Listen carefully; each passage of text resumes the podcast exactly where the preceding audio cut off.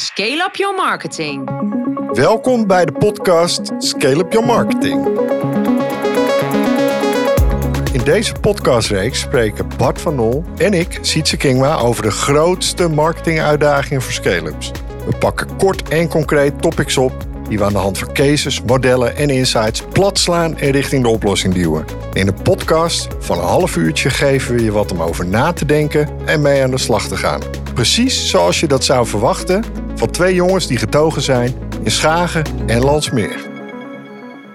Bart, we gaan het hebben vandaag over klantinformatie en inzichten. En waarom vind jij dat nou zo'n belangrijk onderwerp? Nou, het is voor mij een superbelangrijk onderwerp, want daar is ontzettend veel uit te leren en er ligt heel erg veel low-hanging fruit voor organisaties. En ik zie dat het in heel veel organisaties zeer belabberd gebeurt. Zeker in deze tijd waarin er ontzettend veel marktdynamiek is, er heel veel crisissen op de loer liggen, er heel veel verandering is in consumentgedrag en in behoeftes, moet je heel dicht op die klant zitten. En dat zitten partijen niet. Business to consumer nog wat sneller dan business to business. Maar echt, hier liggen zoveel kansen. Ja, dat is een heel groot topic. Ja, toch? Want wat zie jij? Ja, hetzelfde. Data wordt gewoon niet goed verzameld. Dat is een belangrijk uh, ding. Daar begint het feest natuurlijk. Je moet wel zorgen dat je data op orde hebt.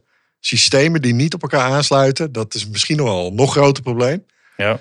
En als laatste, ja, toch een bedreiging die wat meer van buiten komt. En dat is dat je ook gewoon steeds minder mag. Qua privacy, qua cookies, qua bewaren van gegevens. Ja, want ook even voor de luisteraars. Wat is daar aan de hand? Hè? Want die, die, die klantdata, dat wordt steeds lastiger. Uh, cookie-wetgeving is er, is er bijgekomen. Uh, vertel eens. Ja, er is natuurlijk sowieso een trend die we allemaal kennen. En dat is uh, dat je als bedrijf niet maar zomaar overal gegevens meer vandaan mag plukken en daarmee aan de slag mag gaan. Daar moet je expliciet toestemming voor. Ja, het is natuurlijk wel balen voor de, voor de marketeers met al die toeltjes en, en dingetjes. Allemaal ja, we komen echt uit het Wilde Westen vandaan. Dat is, dat is echt geen woord aan gelogen. Maar het wordt nu heel snel allemaal dichtgetimmerd. En dat is voor ons natuurlijk wel lastig. Nou, dat gaat dan over verzamelen en bewaren van gegevens. En heb je het ook nog inderdaad over het hele cookie-verhaal. Veel mensen snappen nog niet helemaal waar het over gaat, maar dat gaat wel groot worden. Want? Het gaat over third-party data, third-party cookies. Dus in principe als uh, ik nu op jouw website kom, dan uh, verzamelen Facebook en Google en dergelijke verzamelen data van mij, omdat ik op jouw website zit. Dat is de Jip en Janneke variant. Ja. Dat gebruiken we allemaal voor marketingdoeleinden. Want uh, Facebook en Google weten dat ik geïnteresseerd ben in scaling-up, kennelijk. Ja. Dat gaat er allemaal uit. Gaat er allemaal uit. Ergens ook een opluchting. Ja, dat is natuurlijk een enorme opluchting. Want je, Toch? Ja, dit kan natuurlijk niet hoe het de afgelopen jaren is gegaan. Ja. En hoe zie jij bij scale-ups dit ontwikkelen, Bart? Kan je daar wat over zeggen? Ja, uh, ik ben natuurlijk van uh, scale-ups, maar ook van scaling-up. En, en, en wij proberen habits voor groeibedrijf, hoe je goed en snel en gelukkig en, en fijn groeit, proberen wij met organisaties te implementeren en in te trainen. Een van de habits waar het alles slechts op lukt, is het verzamelen van klantgegevens. Het leeuwendeel van het bedrijf heeft compleet geen kader, uh, hebben er geen afspraken over, denken er ook weinig over na, hebben er geen uh, gewoontes op.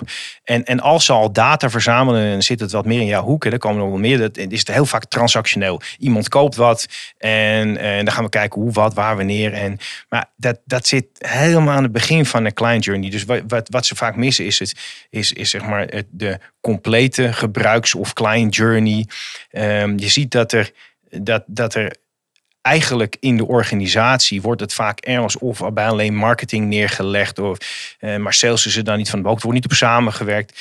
Uh, de management heeft geen prioriteit in het verzamelen van die, van die klantdata. Hè, of, of, of spreekt zelf voldoende met klanten en zit met die klanten. Dus, dus vaak zie je geen, geen visie, geen proces, geen tools, niks in place. Uh, zeg maar voor het verzamelen van die informatie.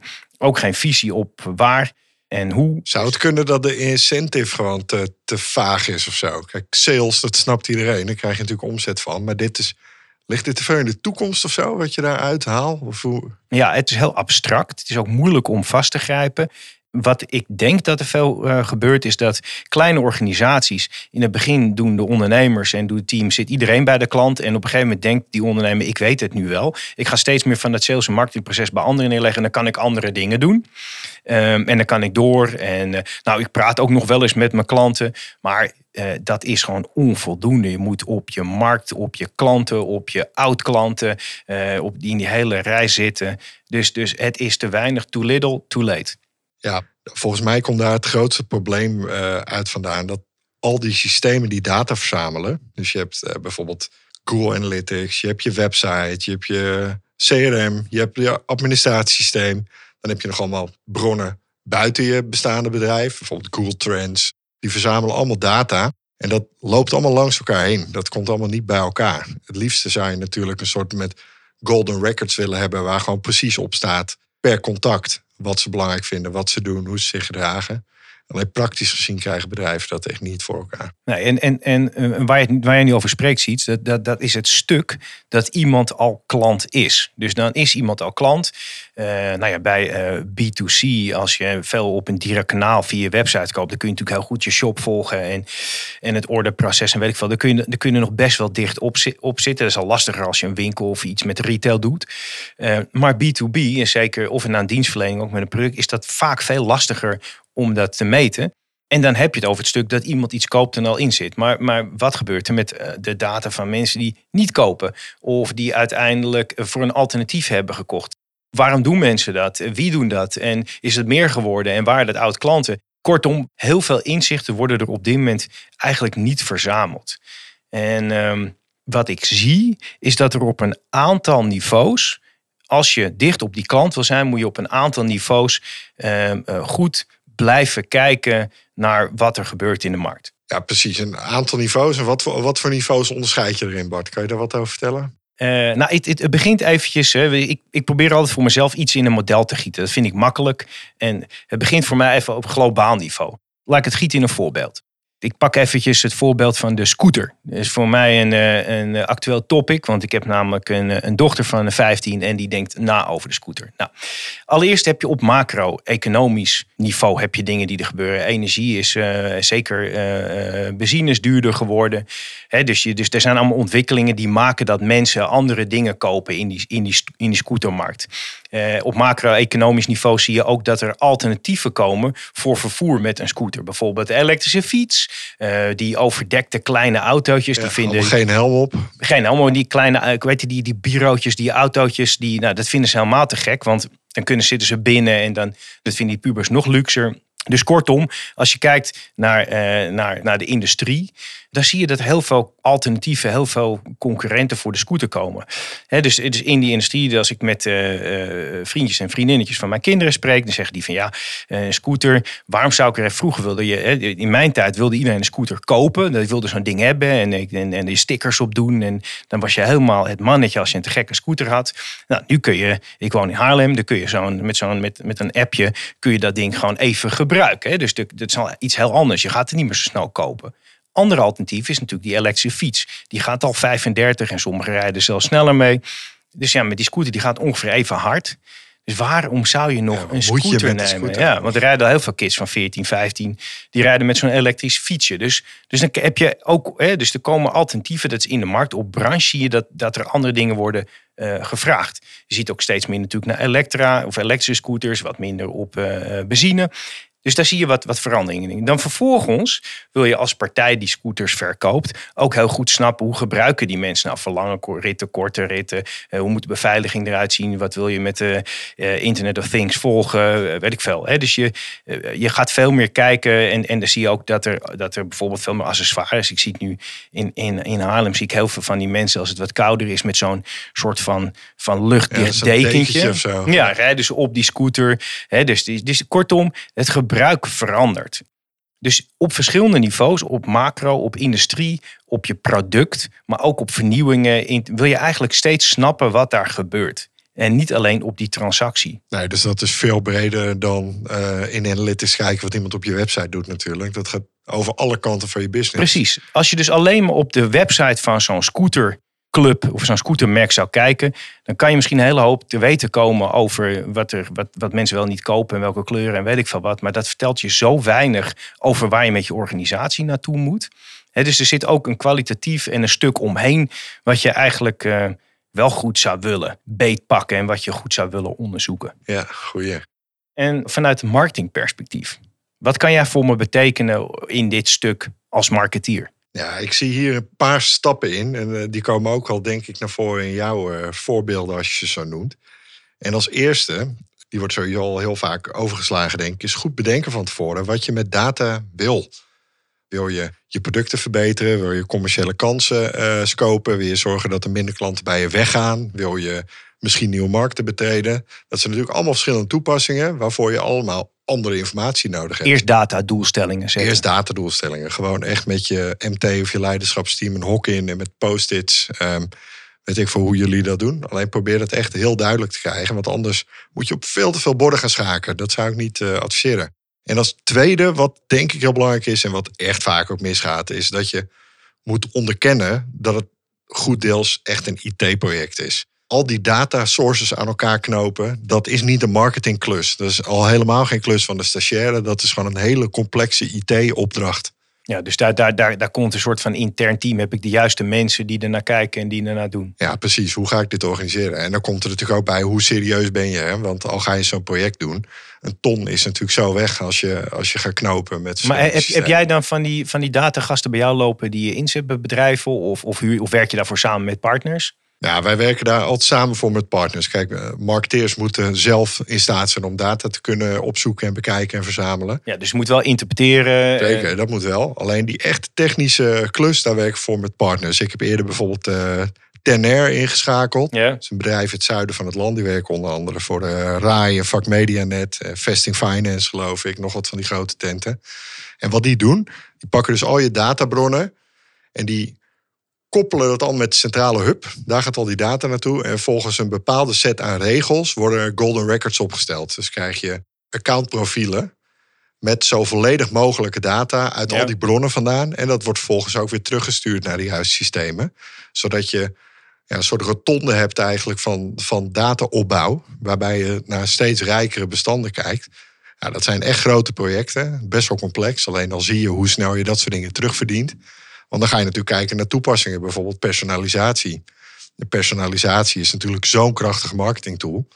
Uh, als ik dan weer op mijn marketingveld natuurlijk terugval. Uh, ja. Dat er heel snel conversieverbetering en ordewaardeverhoging uh, mee gerealiseerd wordt. En, en, en is dat, ehm, bedoel, ik kan me voorstellen dat er voor een B2, B2C club met een direct kanaal dat dit, dat dit goed te doen is. Die, die, die heeft veel data.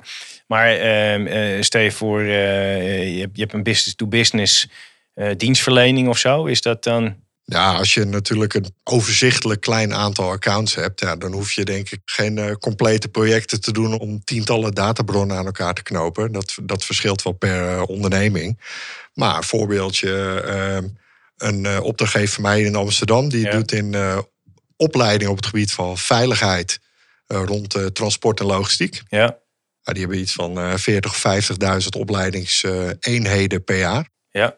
Dat zijn er echt gigantisch veel. En die bouwen natuurlijk ook zo'n verschrikkelijke bak met data op. Ja, daar wil je gewoon bijvoorbeeld uh, kansen uithalen. Als wanneer loopt iemand zijn certificaat af? Wanneer moet die automatisch verlengd worden? Wat is daar bepaald klantgedrag in?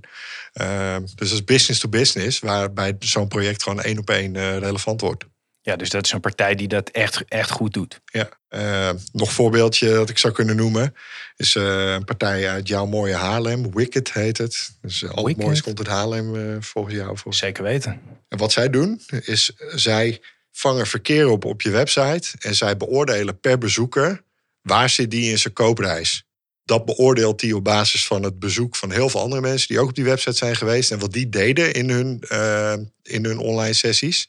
En op basis daarvan bepaalt hij voor iedereen die op je site zit wat een goede call to action zou kunnen zijn op dat moment. En dat wordt steeds slimmer, want op basis van uh, of mensen uh, daarop converteren of niet, past het systeem natuurlijk zijn algoritme aan. Nou, dat is een hele interactieve, snelle manier van data verzamelen, waarbij je gewoon direct op het beïnvloeden van je klant zit. Ja, dat, dat vind ik nou mooi. Ja, super. Ik kan me voorstellen dat je als marketeer daar je hart kunt ophalen. Ja. Hey, en, en We hebben natuurlijk ook iemand geïnterviewd. Hè. Ik wil ook nog even verwijzen dat in de podcast van Buyer Personas die we hebben opgenomen, hebben we ook nog een stukje over klantinformatie verzamelen. Hebben van Ernst Bareman van de keukenconcurrent. Ja. Vind ik leuk om nog eens naar te luisteren. verhaal. Die doet dat heel erg eh, in de basis. En ik heb eh, René Vrijters geïnterviewd, omdat hij een enorm succesvolle ondernemer is. Die echt altijd de klant centraal stelt in zijn ondernemerschap. En René is oprichter van de Knappe Bank en oprichter van Alex Beleggingsbank. Maar René is ook investeerder in een aantal bedrijven. Ehm, eigenlijk is hij ook altijd mede-ondernemer hoor, daarin. En ik heb met René ook samen mogen werken bij Bridge Fund. Die echt niet normaal meer hard aan de weg timmeren op het moment. Waar hij ook een aantal dingen voor zijn rekening heeft genomen. En zijn visie op klantinzichten en het verzamelen van die inzichten is zo nuchter en verhelderend. Dat ik dacht van ja, die moet ik voor dit interview hebben. Super benieuwd. René, fijn dat ik je een paar vragen mag stellen voor deze podcast. Eh, ik heb je zojuist al even kort geïntroduceerd. Kun je me vertellen wat jouw visie is op het verzamelen van klantinzichten? Ja, Bart, natuurlijk. Ehm, en ik moet je eerlijk zeggen, ik denk dat heel veel bedrijven die zijn heel erg datagericht naar eh, klanteninzichten aan het, eh, aan het verzamelen. En denk ik dat is een hartstikke goede zaak. Alleen ik denk altijd, het begint eerder.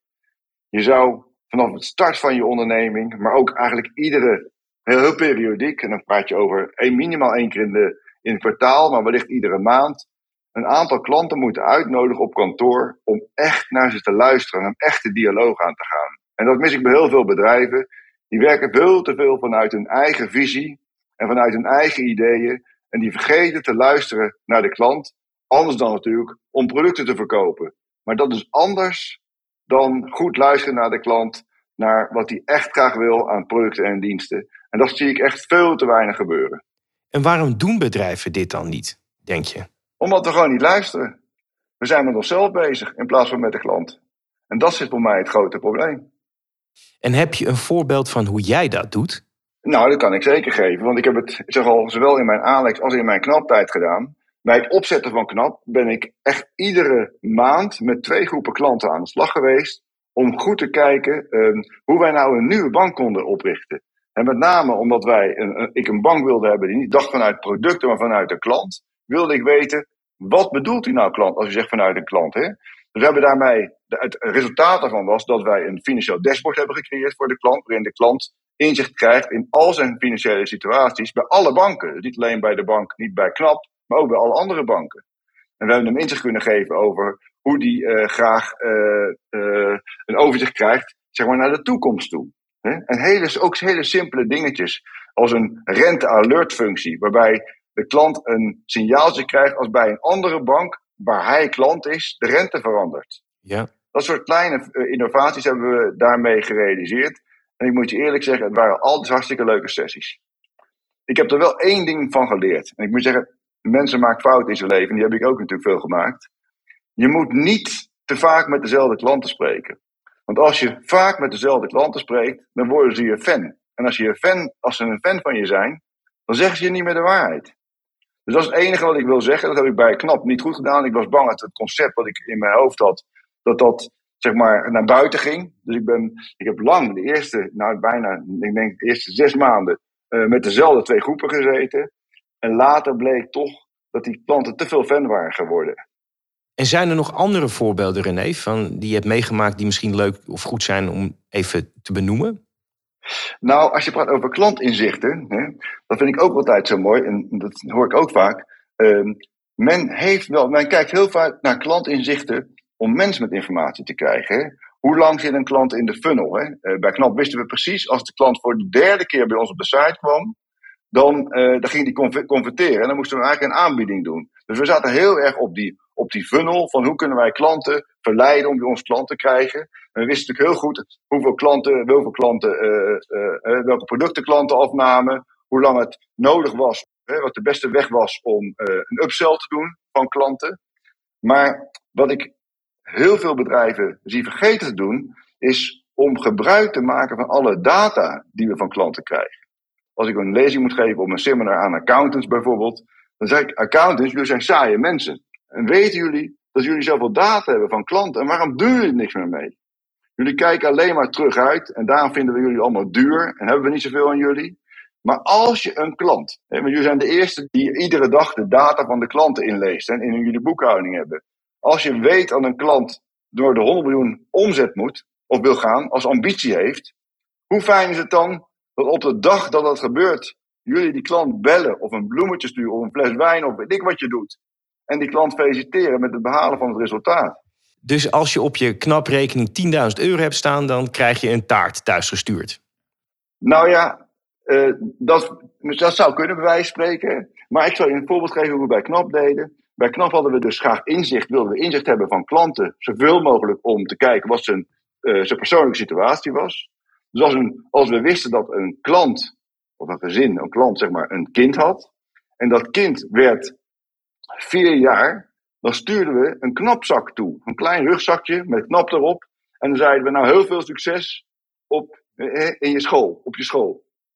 Um, en dat zijn van die gekke dingetjes hè, die je kan bedenken, waarmee je klanten kan verrassen en waarmee je fans kan creëren voor de toekomst. En ik zou iedereen willen adviseren om eens een keer, als je hè, met een biertje in de hand, om eens te gaan nadenken over welke data heb ik nou beschikbaar in mijn database, waarmee ik klanten kan verrassen. En ik weet zeker, ieder bedrijf kan dat. ik heb nog één andere ergernis, Bart, die ik graag met je wil delen. En dat is dat online bedrijven die denken, ik ben online en ik moet vooral proberen die klant zo ver mogelijk van me weg te krijgen. Dus een, uh, een bereikbaarheid van die, van die bedrijven is echt uitermate slecht. Je mag blij wezen als je met ze kan chatten, maar dan vaak alleen maar voor de verkoop. Maar als je eenmaal klant bent, dan verstoppen ze zich. En dat is een uitermate irritatie van mij. Ik heb altijd gezegd, zet je bereikbaarheidsnummer, je 06-nummer of je 088-nummer op de voorpagina van je, van je, van je, uh, van je website. Of overal op, de, op je mijn, mijn domein, zeg maar, uh, pagina. En probeer je niet, probeer het de klant eenvoudig te maken om je te bereiken. Ik zal je een voorbeeld geven hoe ik bij KNAP heb gedaan. Bij KNAP stuurde ik alle klanten een e-mail met welkom klant bij KNAP. We gaan er een hartstikke mooi feest van maken. Maar ik weet, af en toe gaan er dingen fout. En dan zijn wij er voor u. En dan kunt u onze service desk bellen. Dan stond heel groot het nummer van de service desk. En dan zei ik, maar ik kan me ook voorstellen dat u er soms niet uitkomt. En als u niet uitkomt, mag u mij bellen. En toen had ik mijn 06-nummer erop gezet. En mijn e-mailadres. En dan denk je bij jezelf, die jongen is gek. Hè? Want als je, toen ik wegging had ik ongeveer eh, 200.000 klanten. Uh, maar dacht je dat al die klanten mij gingen bellen? Natuurlijk niet. Maar soms wel. Maar, maar één ding is zeker, je had altijd een fantastisch gesprek. Want die klant, die was verrast dat jij als oprichter, CEO van die betreffende organisatie, dat je hem even aandacht gaf. En het werd altijd een salesgesprek, want ik ging altijd met die klant in gesprek. Zei ik, meneer, maar mag ik vragen? Ik zie dat u alleen maar een sparing en een betaling heeft. Maar belegt u ook wel eens en mag ik wat vertellen over mijn beleggingsproducten? Aan het einde was die klant altijd hartstikke blij. Um, en ik denk dat iedere, wat dat betreft, iedere klacht, iedere klacht of iedere opmerking van een klant, daar kan je een kans van maken. En ook dat, zeker al, vind ik veel bij online bedrijven, vind ik er veel te weinig gebeuren. Ja, en zo kan ik nog honderd voorbeelden noemen. Ander keertje. René, onwijs bedankt. En super graag tot de volgende keer.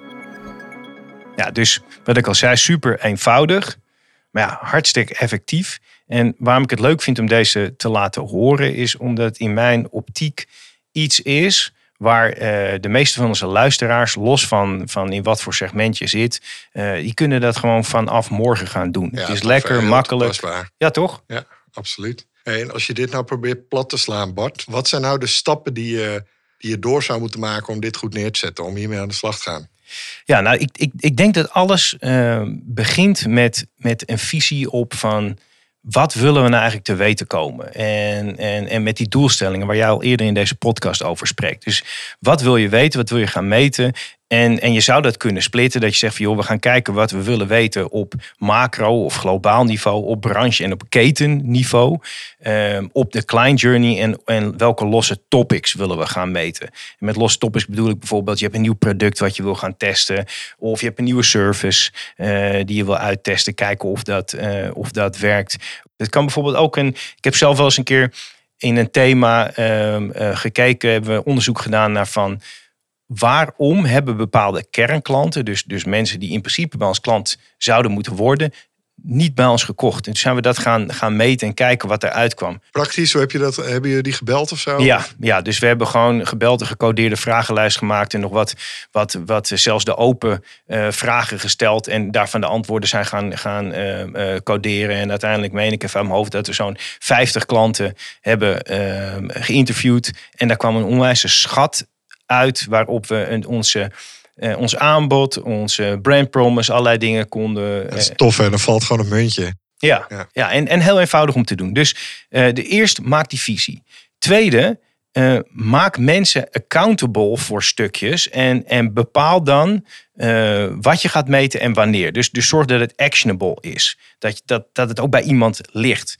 Derde is bepaal hoe en, en wanneer mensen die insight gaan rapporteren en wat escalatielijnen zijn. Bijvoorbeeld met escalatielijnen bedoel ik dat als je die klantdata gaat verzamelen, dan wil je dat er heel duidelijk uh, op of bepaalde cijfers of bij bepaalde uitkomsten heel duidelijk die informatie snel door de organisatie heen beweegt. Want dat is vaak een stuk. Hè. Er wordt wel eens een onderzoek gedaan. Oh, we nemen een stagiair aan, die gaan we een onderzoek laten doen. En dan blijft al die informatie blijft op die afdeling. Dus je moet zorgen dat je heel helder hebt wie rapporteert er en, en hoe zorgen we dat als we iets bepaalde dingen zien, dat het er snel uitloopt.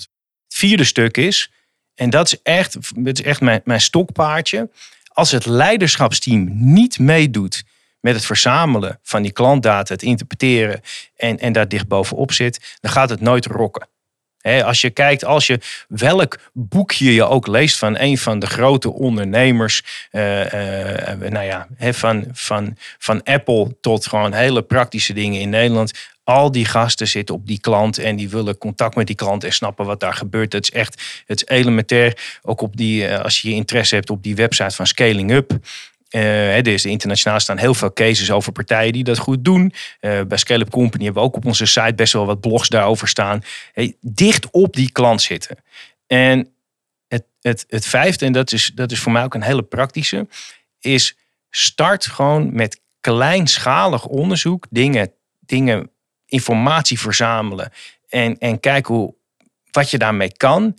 Um, ga gewoon, ga gewoon, gewoon testen. En geef als leiderschapsteam ook weer nogmaals het goede voorbeeld daarmee. Maar start klein. Want wat ik heel veel zie is dat partijen er ontzettend van balen dat ze dit niet goed doen. Dan gaan ze opeens een heel groot project optuigen met, met tien man. En, die, en, en het wordt heel groot en omslachtig. En daarna gaat het niet lopen. Nou, en dan denk ik nog even inderdaad aan Ernst Bareman, die gewoon uh, tien klanten per week of zo belt. Precies. En, en als Ernst Bareman het kan, met weet ik veel hoeveel uh, vestigingen heeft, die 46, hoor, een paar honderd man, dan kan iemand met een bedrijf van 43 het ook. Als laatste nog even een hele eenvoudige tip daarbij. Die haal ik even uit dat Scaling Up boekje. Dat is een van die, van die habits. Fern Harness noemt dat het zijn four questions conversation met klanten. En die zegt eigenlijk, wil je snel beginnen? Ga als leiderschapsteam een gesprek hebben van, weet ik veel, 10, 15 minuten met je klant. En stel in ieder geval vier vragen. Vraag 1 is, hoe gaat het met jullie? Vraag 2 is, wat gebeurt er in jullie industry? In jullie, in jullie misschien ook wel in bedrijf, maar in ieder geval in de industry. En, en what keeps you up at night? Hè? Dus, dus wat, wat houdt je bezig? Het derde is, wat hoor je over onze concurrenten en onze alternatieven in de markt? En het vierde is, hoe doen wij het? En bewust ook in die volgorde. Dus ze zegt, die vier vragen stel je. Dat doe je tien minuten, een kwartier kun je daar met een klant over spreken.